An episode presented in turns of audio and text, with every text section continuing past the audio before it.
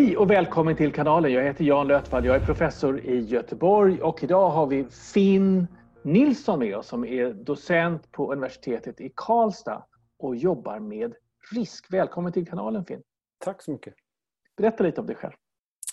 Uh, ja, som du säger, jag är docent i riskhantering. Uh, har en medicinsk bakgrund, en kandidatexamen i medicin och mm. sjukgymnastik faktiskt från början. Eh, och ramlade sen in på förebyggande arbete egentligen kring skador och därifrån gick det till riskepidemiologi vilket blev min avhandling om fallolyckor. Eh, och sen har jag gått vidare till att titta på eh, mycket på riskreducerande interventioner i samhället. Utvärderat en hel del så cykelhjälmslagstiftningar och olika brandsäkerhetsgrejer och sånt där.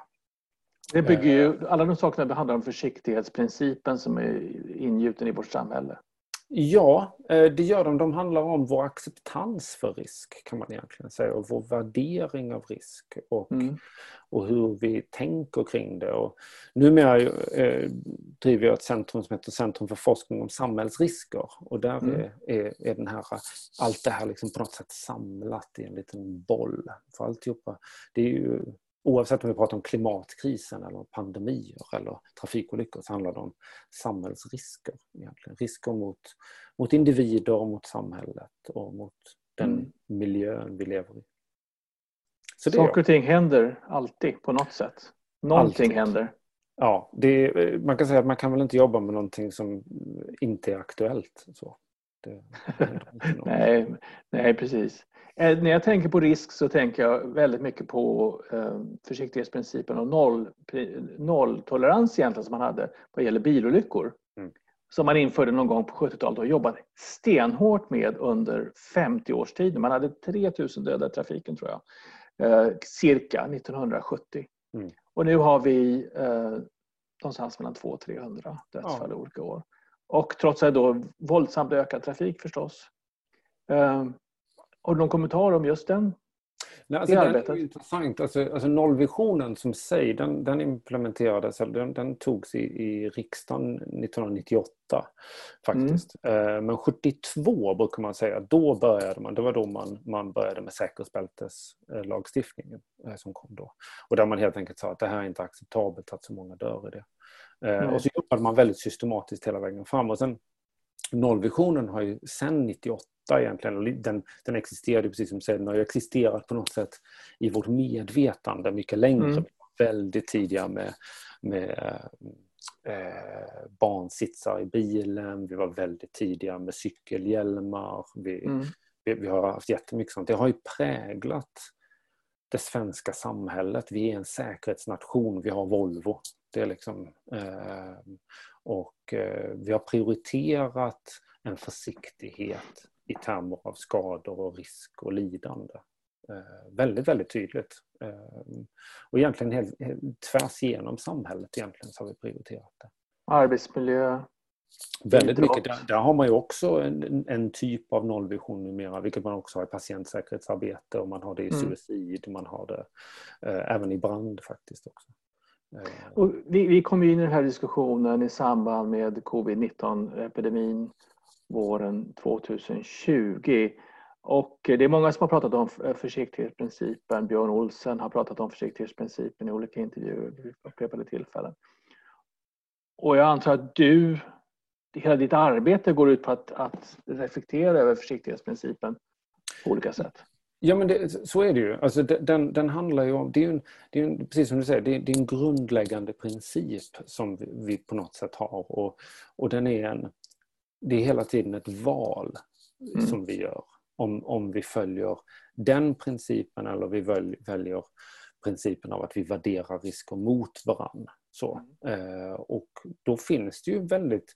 Ibland kan ju försiktighetsprincipen användas, den är ju tyvärr ganska lättillgänglig på det sättet. Och, och kan nästan liksom så här, ja men det är bara att vi är försiktiga. Så är det liksom, då har man liksom följt försiktighetsprincipen. Riktigt så enkelt är det inte. Eh, utan det, där finns ju betydligt mer riskvetenskap bakom det och det finns eh, principer för hur man ska tänka. Så. Och det kommer väl tyvärr inte fram så ofta i de här diskussionerna. Hur jobbar, jobbar stat och myndigheter med eh, försiktighetsprincipen rent generellt?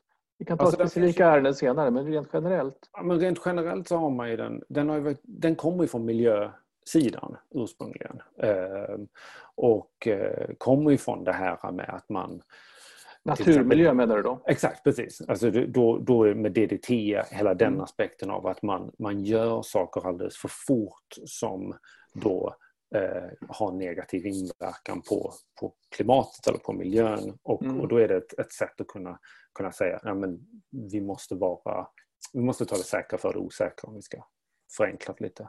Mm. Och den, den, finns, den finns starkt som en alltså som en grundläggande princip egentligen. Alltså i, i all form av, av aktivitet eller styrning där det finns där, där som sagt där individer eller där, där vår, vår miljö kan komma till skada så, så ska den styra vårt tänkande. Så. Eh, vi ska aldrig... Lagstiftning? Ja, precis. Eh, lagstiftning, råd, eh, riktlinjer. Mm. Så. Och då ska den finnas som en, liksom en, en bas i botten som egentligen man skulle kunna säga någon form av säkerhetsnät. Liksom. Att oavsett vad något företag hittar på. Ofta från början var den ju designad utifrån företag men den är ju också applicerad på, på, på länder eller på, på stater. Så då ska den finnas som en att den ska fånga upp det här och se till att samhället inte kollapsar och att samhället inte tar skada för mycket. Så. Eh, och EU har ju verkligen, det är ju de egentligen som har anammat den starkast, den kommer ju från, från Tyskland från början. Eh, så den har ju till stor del kommit till Sverige genom eh, EU. Eh, Eh, men, okay. men, den, men den är ju, precis som du var inne på med trafiksäkerhetsarbetet, så är ju mm. säkerhet och försiktighet, Sverige är ju den försiktiga generalen traditionellt sett. Liksom, vi, tar inte, vi tar inte några jätterisker. Vi är ganska riskobenägna som land och man kan prata om ett land som en helhet mm. på det sättet. Ehm, så den har ju styrt vår utveckling på det sättet. Och, och, då försiktighetsprincipen är ju lite grann i motsats då till evidensbaserat arbete. Jag är ju läkare och forskare och vi gör ju allting enligt evidens och det ska vara helst vara prospektiva, randomiserade, dubbelblinda studier som, som analyseras väldigt objektivt mm. innan vi bestämmer att det där är evidens för att det här är bra sätt att mm. arbeta. Eh, försiktighet och evidens är lite motpoler där. Nej, jag är inte helt enig med dig.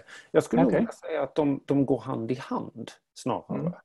För att eh, poängen är egentligen att, att det, det både du och jag jobbar med, med de här typen av studierna, de här medicinska epidemiologiska studierna, de är ju för att ge grund till att kunna ta beslut och kunna rekommendera behandling eller, eller liknande.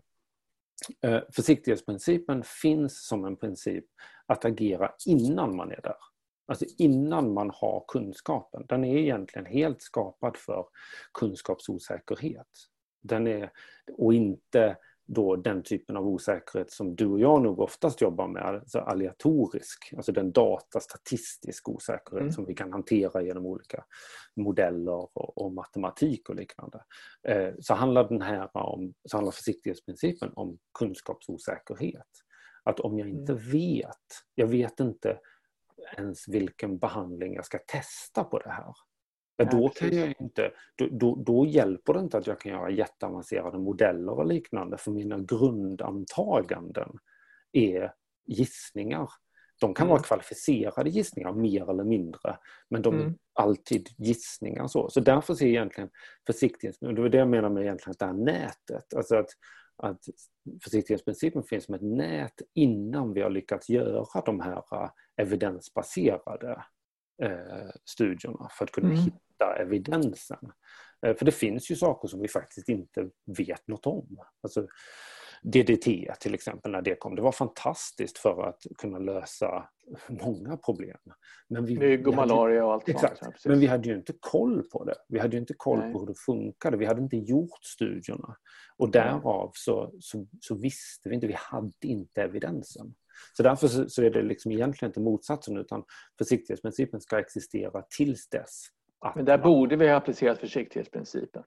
På DDT ja. Ja. Ja, ja, ja. Uppenbarligen. Och det var innan, det, innan så att säga, försiktighetsprincipen var en, en stark grund för vårt Ja, precis. Ehm, och, och det, jag menar, I den här situationen med covid-19 så är det ju så otroligt uppenbart för mig åtminstone att, att man hade väldigt mycket osäkerhet, alltså kunskapsosäkerhet mm. i början.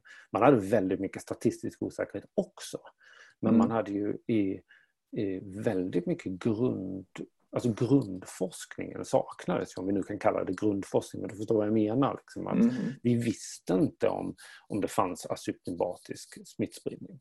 Vi visste inte alla de här grejerna när det började ta fart. Vi visste inte hur snabbt det spred sig. Vi visste inte väldigt grundläggande saker mm. som gör att, att då kan man inte... Då vet man inte. Och vet man inte så, så finns det den här principen.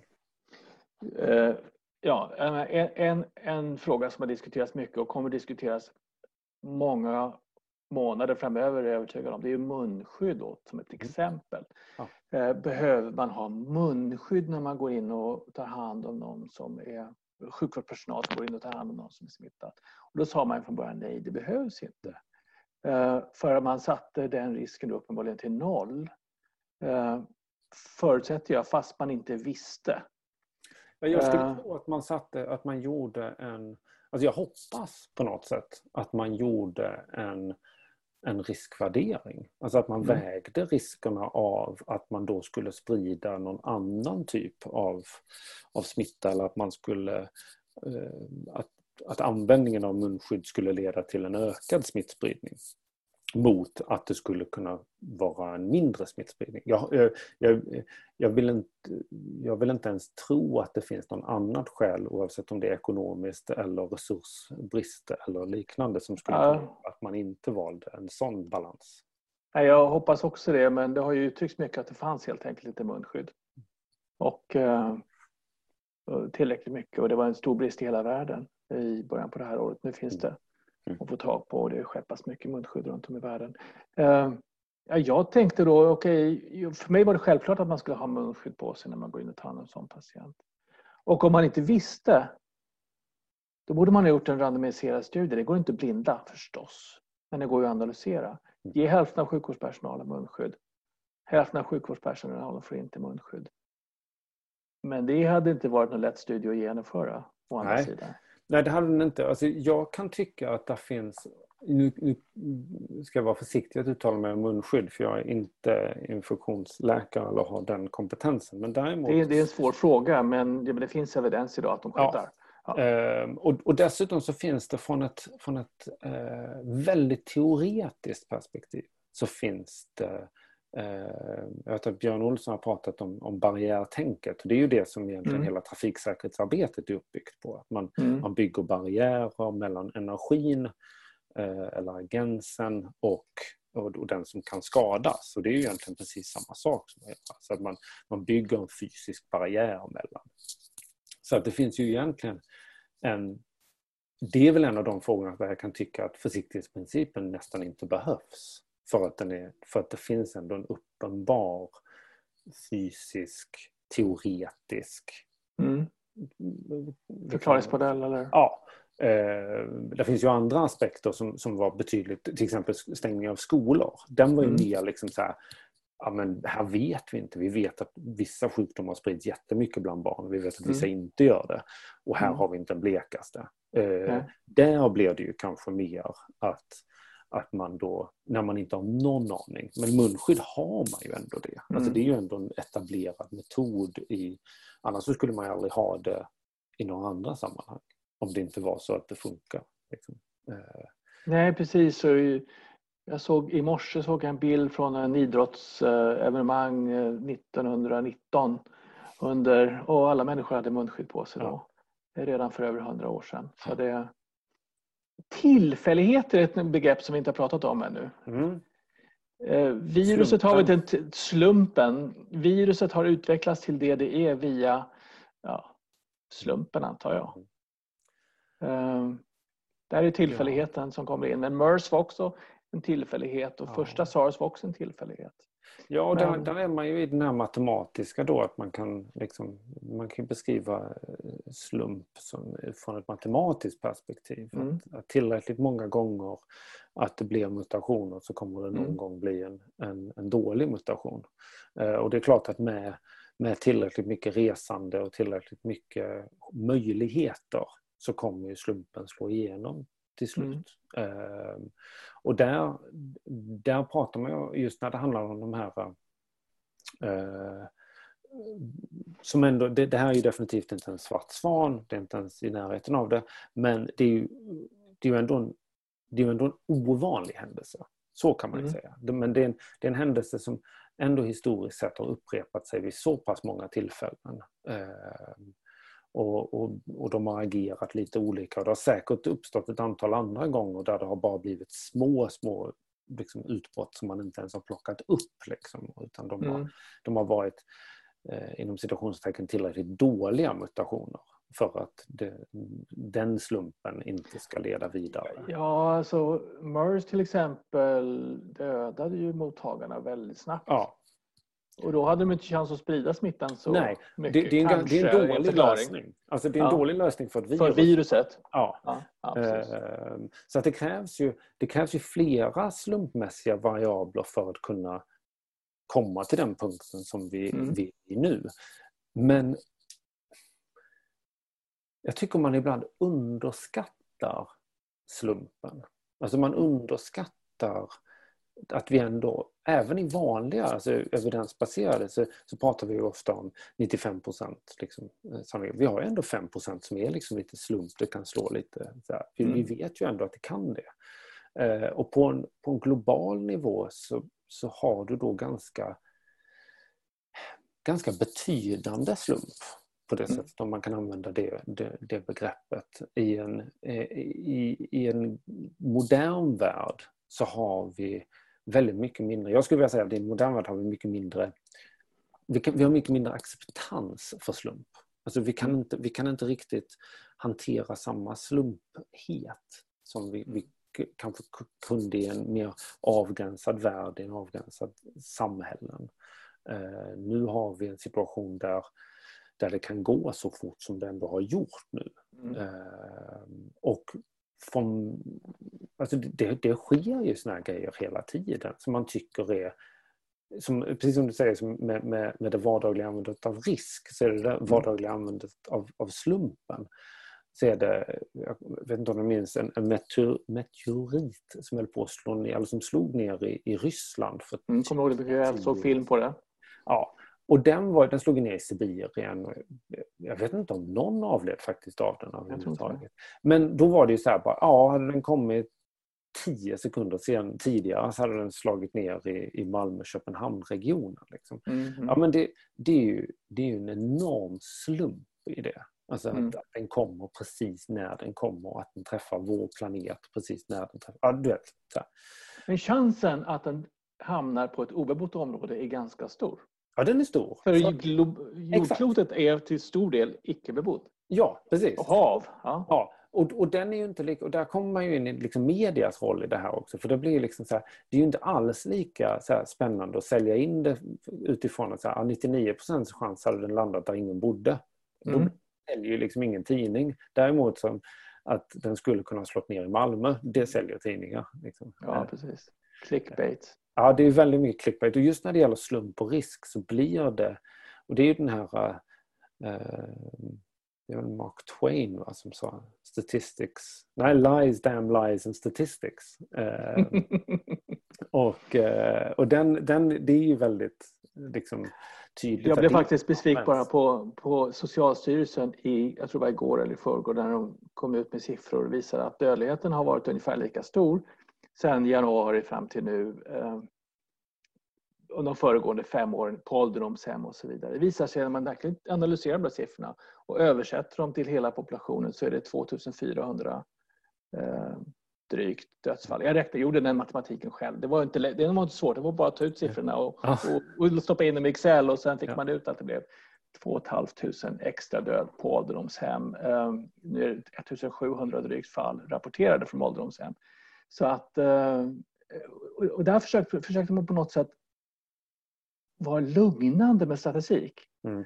Uh, och, och, så blev det en rubrik som sa att det ser inte så farligt ut i det hela tatt för att uh, i genomsnitt så dör nästan lika många ändå.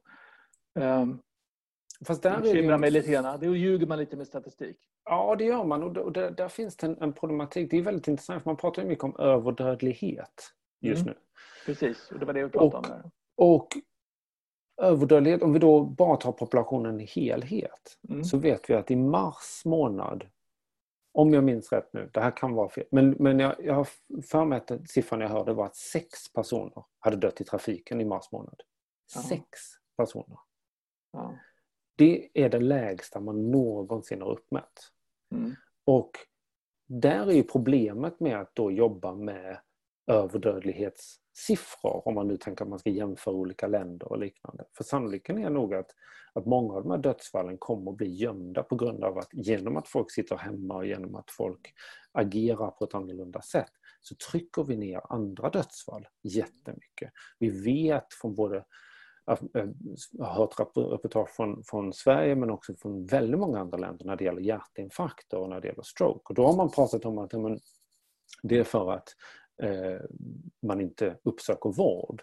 Men, men om man dör så behöver man ändå... Liksom, alltså, det, det, det, en hård endpoint. Ja. Det är en hård endpoint. Ja. Så, att, så att då kommer den ju ändå bli mätt på det sättet. Då får mm. du en stor stroke så ligger du inte kvar hemma. Det, är ju liksom, det gör du bara inte. Så att det är klart att det kan, kan kompensera en del av det men, mm. men jag tror till stor del att det här också påverkar hela dödligheten vilket innebär att när man då säger att ja, men dödligheten för april var den högsta som Sverige har uppmätt sedan jag tror, sa 92 eller liknande. Så ska du då ta hänsyn till att vi har sänkt dödligheten. Andra dödligheten? Ja. Vilket egentligen sätter det ännu mer i perspektiv. Nej, men, och, och det här kommer ju också, precis som du säger, vi har ju länge där upplever jag med de statistikerna som jag jobbar med, jag ska säga redan nu som, som statistiker är jag verkligen inte topprankad på något Inte jag heller, men Fast jag common sense handlar det om ändå. Precis. Och jag, ja. jag, känner dem som är duktiga. Ja. Eh, och, och det man får utnyttja dem när man behöver dem. Exakt. Och, och det jag ser väldigt tydligt är, och det är någonting som, som jag också tycker har varit intressant i hela den här hanteringen av den här risken, så, det är ju att, att de datamodeller och, och statistiska modeller och statistiska metoder har mm. utvecklats så extremt mycket de sista tio åren. Alltså det, mm. har, det har blivit en, en, en utveckling som gör att att det jag skrev i, i, min avhandling är ju, som tur är, så är den väldigt långt ner i någon låda någonstans. Liksom. För det är ju det, det är pinsamt dåligt numera. Eh, för det, det är en enorm hög kapacitet som man kan göra. Och där precis som du säger att p-värden är, är, är, mer och mer sekundära egentligen. Utan det finns, det finns, helt, det finns otroligt många andra variabler som man måste ta hänsyn till och, och hantera. Och, Eh, Artificial intelligence, man lär sig nya saker med. Ja men så är det ju och det går fort. Mm. Och jag man gör det... analyser som inte nödvändigtvis är logiska utifrån vår hjärna. Nej, och precis. Och det gör ju i sig att om du då baserar din, din hantering, din riskhanteringsstrategi mm. på, eh, på lite mer old school-metoder och på mm. lite mera svart eller vitt metoder mm. så, så hamnar du i ett väldigt knepigt läge. Mm. Eh, och det var ju det som, om jag minns rätt så var det norska folk, folkhälsomyndigheten mm. som, som kritiserade Sverige för det här. Uttryckligen ja. Ja, att, att vi använder ålderdomliga metoder. Vi använder eh, strategier och, och, och, statistiska metoder som inte riktigt håller längre på det sättet. Och det, eh, det var ju någonting som var, var, var, tidigt med ett antal forskare som var, jag själv också var med och, och sa så här, vi finns här. Vi är ett forskarsamhälle i Sverige som finns här mm. och som har jättemycket kompetens. Vi är inne på kohorterna som finns på olika mm. ställen men vi har ju också enorm dataverksamhet och, och sådär.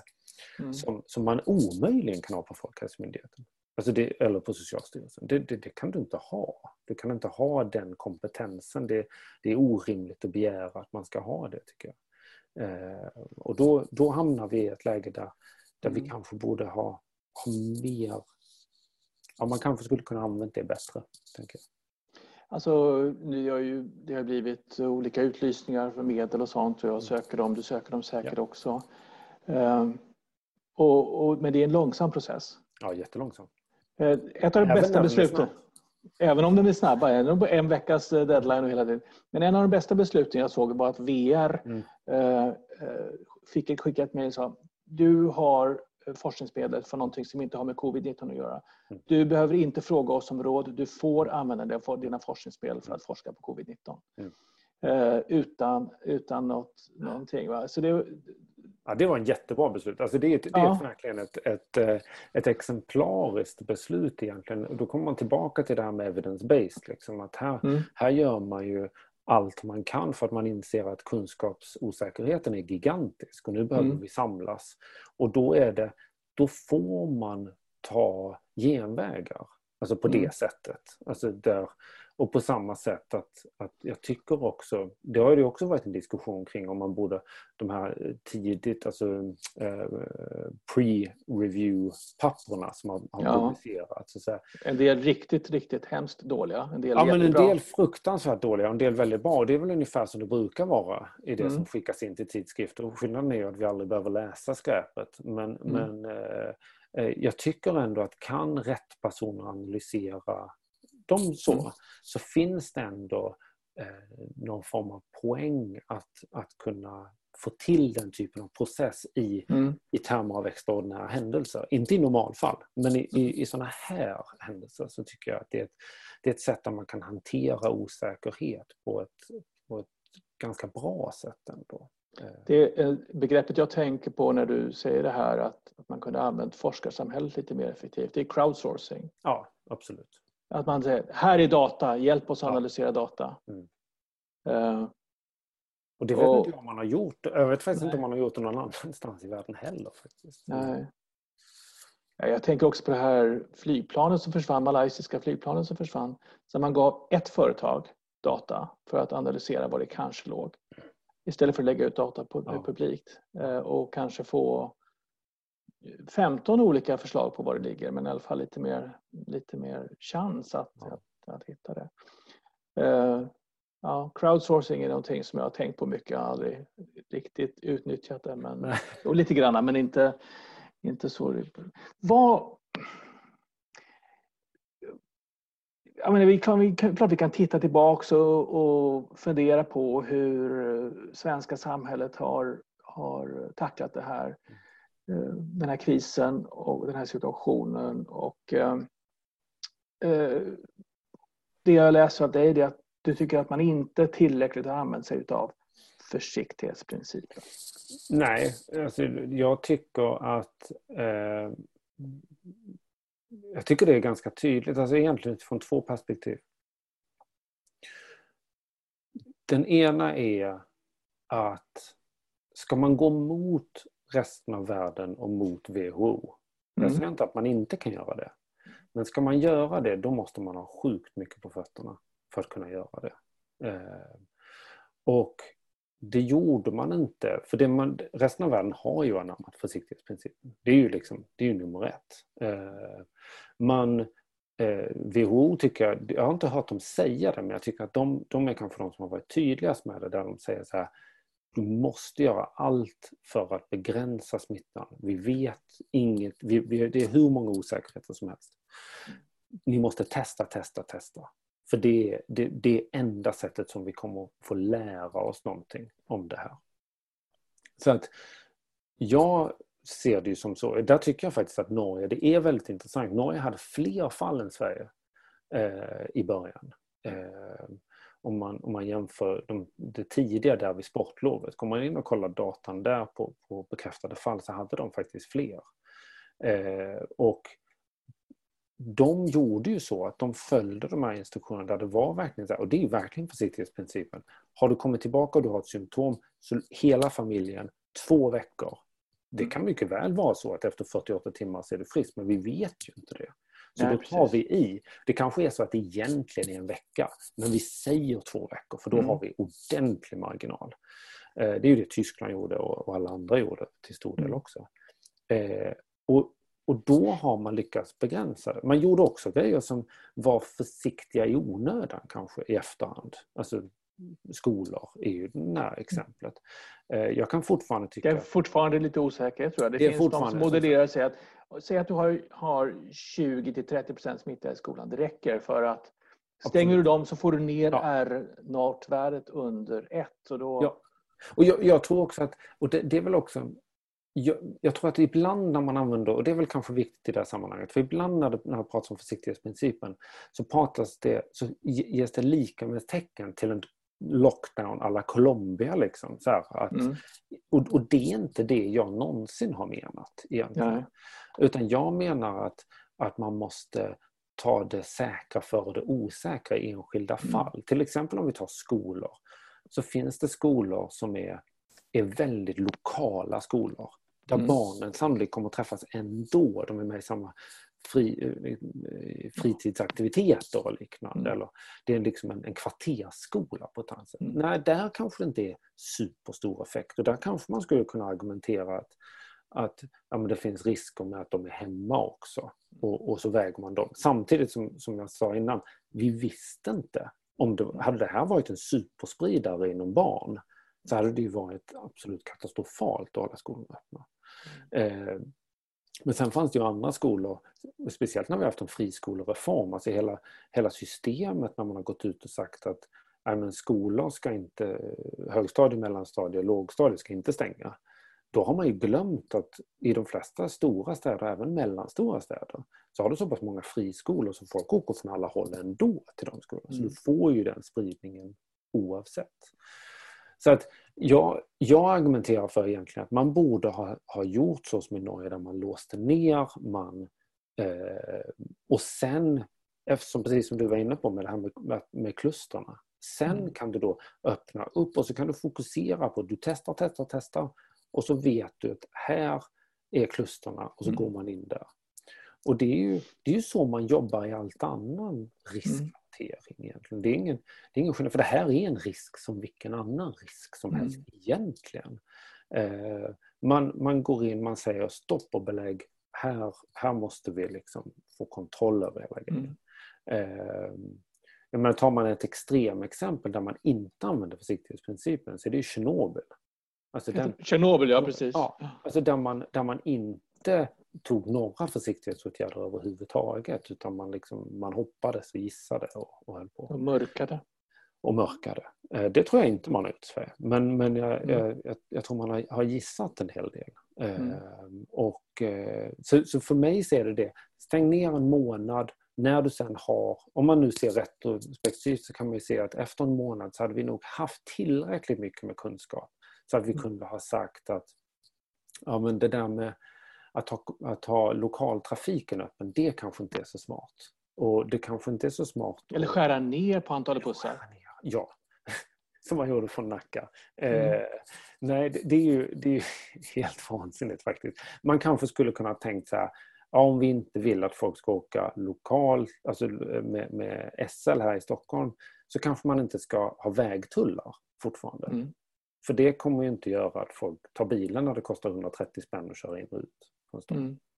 Eh, alltså det handlar om att bygga upp en strategi och då behöver man tid. Eh, och försiktighetsprincipen i det här avseendet innebär ju det. Att man säger så här, nu tar vi det säkra för det osäkra, vi stänger ner och så skapar vi oss en bild, en kunskap och en strategi mm.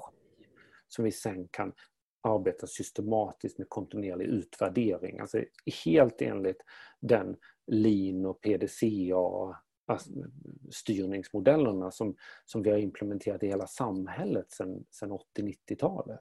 Eh, nu plötsligt så har man ju slängt alla de principerna som man har Alltså hela, hela lin som man har fört in i varenda verksamhet. Mm. De har man ju nu bara slängt åt sidan och sagt att när det där med att att kontinuerligt utvärdera, det gör vi inte längre. Eh, det gör vi efteråt. Det gör vi, det gör vi om tre år. För mm. att på något vis så är det okej. Okay. Och det är min andra käpphäst i det här när det gäller försiktighetsprincipen. Det är ju att just nu så har vi vadå, 4 000 nästan döda. Mm. Norge vet jag inte exakt vad de har just nu men de ligger ju en bra bit, bra bit eh, mm. lägre. Det är ju ändå så att man kan ändå med ganska gott samvete säga att ett antal tusen människor, hade de bott på andra sidan gränsen så hade mm. de inte varit döda nu. Mm. Och då tycker jag det kvittar om de skulle ha dött om fyra månader. För att mm. det, då fallerar hela vår grundläggande folkhälsoperspektiv. Mm. Alltså vi, vi har en grundläggande folkhälsoperspektiv som gör att på något sätt så ska ett land hålla folk vid liv så länge mm. som möjligt. För annars Rätten till liv. Ja, för annars kan man argumentera precis på samma sätt som alla andra. Nej men vi ska inte... Det, det gör ingenting att de här cancerpatienterna dör, för de ska ju mm. ändå dö. Det gör ingenting om någon dör i trafiken, för de ska ju ändå dö. Ja, alla mm. ska ju ändå dö. Det är ju, det är ju liksom ultimata liksom slutet. Det mm. finns bara ett slut. Mm. Men det finns ju en princip av att vi ska hålla folk vid liv så länge som mm. möjligt. Som ibland faktiskt också kan gå för långt. Det, så är det ju också. Men är de, är att, att, kunna argumentera för att de andra kommer få lika många döda mm. är... Jag tycker inte det är moraliskt korrekt att säga det. Jag tycker inte man kan säga så. Eh, utan där ska... Du vet inte det? Nej, dessutom så vet man inte. Alltså det, är ju, det är osäkerhet, det är kunskapsosäkerhet. Vi... Risken att man har fel när man säger det är väsentlig. Ja, och bara det att det finns en mm. risk eller en osäkerhet gör att man inte bör räkna med det. Mm. Jag är ju eh, medicinare som jag sa tidigare och, och jobbar med nya läkemedel, har gjort hela mitt liv för olika sjukdomar. Ser hur det kommer nya antivirala läkemedel på löpande band, andra mediciner som kan behandla svår inflammation. Vaccin, jag jobbar själv med ett vaccin Liksom, vaccinkandidat får man kalla det. Eh, vi behöver lite tid. Vi behöver lite tid ja. för att få de här sakerna eh, testade och färdiga för patienter. Och det är ju någonting som, är, är, som jag har funderat på när det just gäller riskhanteringsstrategin. Alltså riskhanteringsstrategin i det här är ju, den har ju ingen riktigt berättat förutom att man vill trycka ner kurvan. Det är ju det, är ju mm. det som man, man, det enda man har sagt. Men för mig så har det varit ganska tydligt att vilken av de här strategierna man väljer, om man väljer att ta en försiktighetsprincip och vänta mm. in kunskap eller om man väljer att värdera risker mot varandra, vilket jag upplever att man har gjort i, i Sverige. Så, så handlar ju egentligen väldigt mycket om hur tror jag att det här kommer att sluta? Alltså tror jag att det här kommer att sluta med ett vaccin och i så fall när tror jag att vaccinet kommer? Mm. Alltså tror jag att vaccinet kommer eh, ta lång tid att ta fram så kan man ju argumentera att ja, men då, kommer, då kommer den här ändå ta över. Vi kan inte leva i en lockdown-samhälle och liknande. Liksom. Medan om man tror att den kommer gå. Det finns redan patientdata, eller inte patient utan antikroppsdata på, på försökspersoner. Som ja, eh, och det går ju vansinnigt fort av den enkla anledningen att det är ju så mycket pengar i den här. Eh, alltså den som tar fram ja, inte bara det utan reglerna har ju ändrats om man, ja. om man uh, får godkänt mycket lättare. Mm. Och eh, jag, jag, tror inte man kommer ta så här vansinnigt mycket betalt för de här medicinerna i slutändan. Eh, som man gör för vissa cancermediciner till exempel. Där det kan kosta en miljon kronor att behandla en, en patient. Eh, att man, man, man helt enkelt inte vågar det för då förstatligas biotechindustrin helt och hållet. Ja, det, det går liksom inte. Hyfsat men... oetiskt om man skulle göra det. Ja, det är oetiskt. Men, men det är klart, när jag jobbar med vaccinkandidat så pratar jag med investorer och och de tänker inte bara på pengar faktiskt i det här fallet utan de tänker också på kan vi göra någonting för samhället? Eh, är det nyttigt för oss ehm, eh, och för, eh, ja, ja för hela processen? Liksom. Prestige, ja, precis. Det, det, det, ska man definitivt inte underskatta. Och jag, jag tänker att när man då säger till exempel då att ja, men det kommer sluta med Alltså vi, vi kommer alla sluta på samma tal. Mm. Eh, och därför så, så, kan vi göra kan, kan, kan vi använda den strategin som vi har, den riskhanteringsstrategin som vi har, så baseras ju den på att någon form av en, en kunskap eller en, en, ett antagande om mm. att allting kommer fungera som det brukar göra. Eh, och, och, Det är ju det att, att kopplat med osäkerhet är ju antaganden. Det är ju väldigt många antaganden. Du menar att covid kommer fungera som säsongsinfluensa? Eh, till exempel. Och, mm. och, och, men också det här att nej, men ett vaccin tar två år att utveckla. Punkt. Alltså det, det, för så har det alltid varit. Eh, och det behöver inte vara så? Nej. Titta bara på vad internet har gjort åt oss. Ja. Så, att, så att jag tror att, att man måste och här kommer vi tillbaka till det här att man har en, då en, en, kanske en, en föråldrad syn på hur man ska hantera moderna risker. Medan det här är en väldigt modern risk. Inte det att det inte har skett tidigare men den sker på ett annat sätt och då sker också hanterandet på ett annat sätt. Den har spritt sig fortare för vi har flygplan och ja. resande men lösningarna hittar fortfarande rätt för eftersom vi har internet och en förmåga att kommunicera på den här planeten som vi aldrig haft tidigare på samma sätt. Nej, och jag menar för sådana som dig och mig som, har, har, som lyckligtvis har våra arbeten kvar och inte är permitterade och liknande, mm. så fortgår våra arbeten precis som vanligt. Det hade vi ju aldrig gjort under spanska sjukan. Liksom. Alltså, då hade vi inte suttit så här. Och det, det, gör att, att vi kan inte använda samma antaganden som man hade under spanska sjukan. Mm. Ja, och det tror jag är en, en, viktig aspekt. Vi kan inte hantera trafikolyckor på samma sätt som vi gjorde med häst och vagn. Alltså det, det är samma princip. Ja, precis. Eh, för att, för att eh, komma till lite grann ett avslut. Vi är i en situation där vi har nära 4 000 döda rapporterade. Eh, vi har fortfarande smittspridning som pågår framförallt i ja, vissa klustersområden kanske. Stockholmsområdet mycket men det börjar öka i andra platser också, i Göteborg vad jag förstår. Ehm, ja, och utifrån vad du har sagt så har den, den, den, modell som har, har utnyttjats här och som har implementerats av myndigheterna. Vissa kallar det svenska modellen. Jag vet inte om den är så svensk. Den är, den är, den är uh, myndighetsstyrd. Um, mm. Och folkhälsostyrd. Ja, Folkhälsomyndigheten för att vara exakt, men inte bara de, för det har varit många andra involverade också så att vi ska inte nej, nej, eh, lägga hela ansvaret på, på just en myndighet. Men vet du, det handlar om, om, om, om detta. Vad jag ville komma till var att hur, hur ska vi göra nu? Nu får vi plötsligt, vi svenskar får inte resa till andra länder i Europa. Vi får inte åka till Cypern och ha semester. Vi får inte åka över gränsen till Norge. Eh, för vi, ja, världen har fått en annan bild av Sverige än de hade tidigare. En svartare bild av Sverige eller mörkare bild av Sverige än de hade tidigare.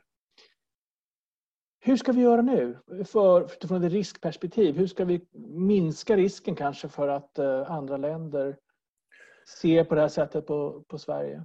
Alltså jag tror att alltså, du, du lyfter en väldigt viktig poäng och det är ju det här att, att vi för väldigt mycket av snacket har ju också varit att vi borde ha gjort massa mm. saker. Ja, men nu har vi inte gjort det. Utan nu, sitter nu måste vi bestämma oss vad vi ska göra nu. Exakt. Och, och nu är det ju inte läge heller att försöka gå tillbaka. Det går inte. Jag kan tycka att, att eh, för att behålla anseendet mm. och att eh, och att kunna ta nya tag. Jag, som, det, som jag har förstått det från, från experter som, som dig och, och, andra så kommer det sannolikt bli lite lugnare under sommaren. Liksom. Eh, och det kanske man kan utnyttja innan en andra våg kommer. Och då, då handlar det om att man, jag tror att man måste vara väldigt tydlig att följa WHO och kanske också backa och säga att ja, men, nu, nu faller vi in i ledet på ett annat sätt. För gör vi det så tror jag att man kommer kunna liksom rädda de här eh, synen. Det är ju uppenbarligen så att länderna inom EU är inte särskilt nöjda med Sverige. Alltså, så. Eh, de har sagt det offentligt en del av dem. Ja.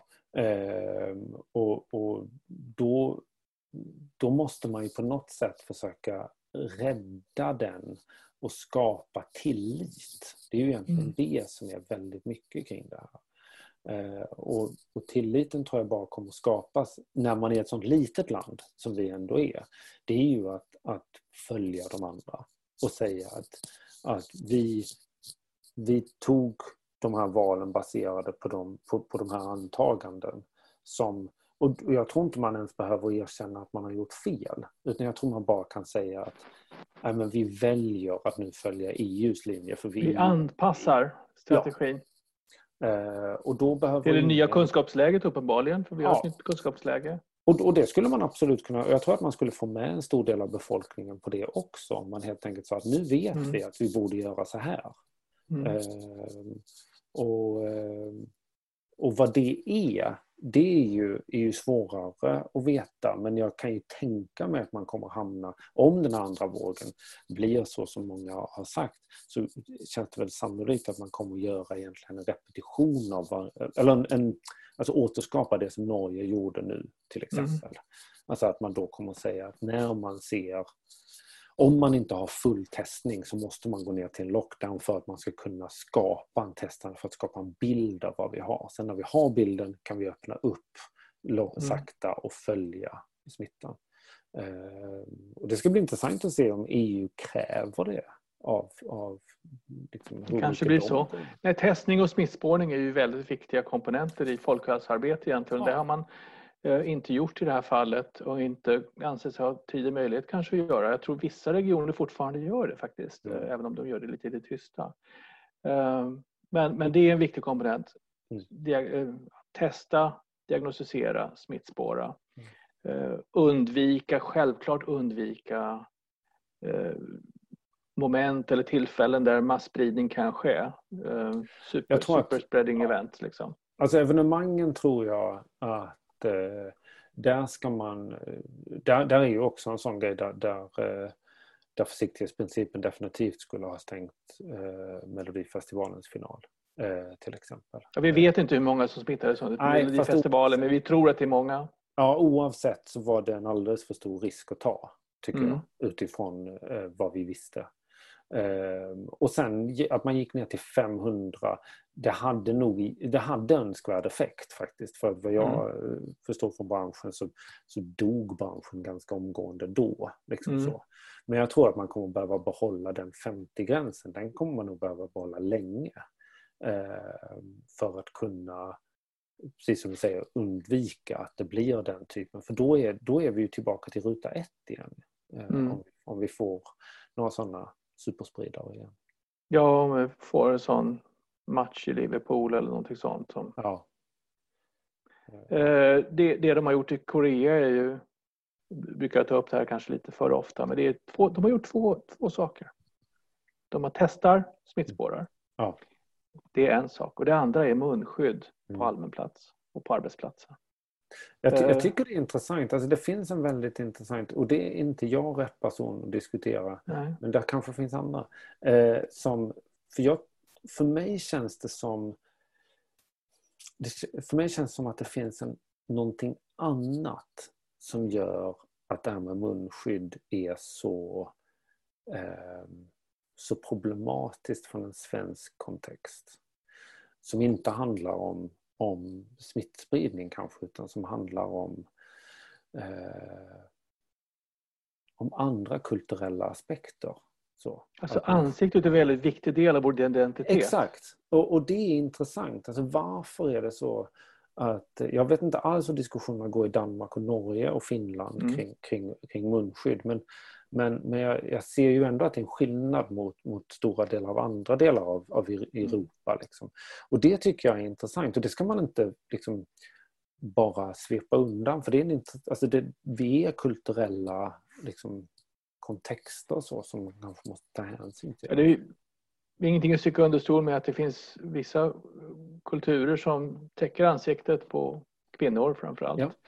Eh, och, eh, och, och, det stör många mm. svenskar och det är väldigt, eh, skiljer sig väldigt mycket från vår, vår grundhumanism nästan vill jag säga, där ansiktet och individen och personen är en väldigt viktig komponent. Och man, man vill se vem man ja, det, det, har att göra med.